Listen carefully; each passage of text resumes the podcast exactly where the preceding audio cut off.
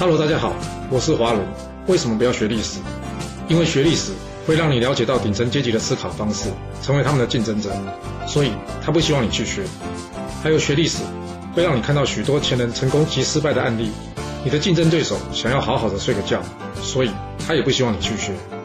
最重要的是，学历史会让你了解人性，你的老板以及同事都希望你保持天真的心，所以他们更不希望你去学。就是因为这些原因，接下来我要跟你说的是故事，而不是历史。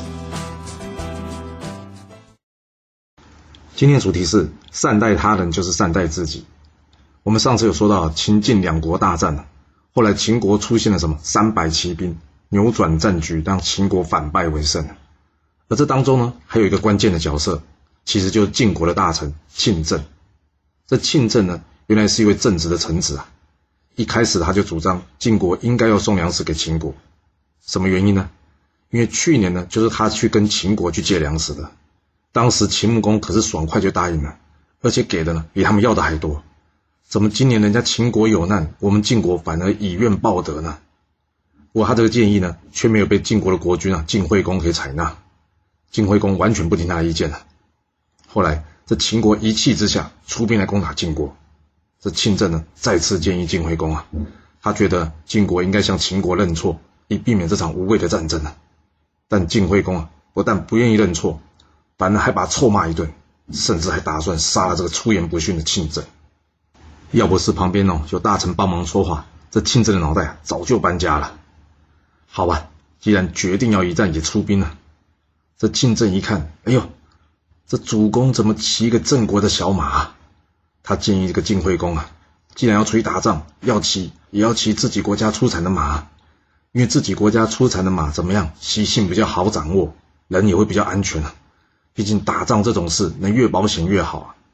但是晋惠公呢，就是不爱听他的话，他觉得我就爱骑着郑国送的小马怎么样？这个马虽然小，但是好看呐。所以怎么样，再一次把这晋政给骂走了。结果战争开始没多久之后啊。没想到真的被这庆政给说中了。由于这小马在战场上啊，被敌方这一下，结果怎样跑进了泥潭之中？因为他体型小，力量也小，根本就没有办法逃出这泥潭。眼看着晋惠公命悬一线的时候啊，这个时候庆政出现在眼前了。晋惠公看到，哎呀，庆政来了，他赶紧请这庆政怎么样帮忙解围啊？那你说，若是你是庆政，你会帮忙吗？这庆政呢？他既然假装没看见呢，他到处大声喊着晋惠公的宠臣啊，一副就是，那你都不听我的话，你喜欢听那些谗言，那你有难的时候，你应该是去找那些平常说好听话的人，不是找我啊。接着，这晋惠公看到这庆政不理他，他继续大叫，哦，这庆政总算是有回应了，不过他不是去救晋惠公哎，他是跑去跟晋惠公说，主公啊，我去找人来救你，找谁？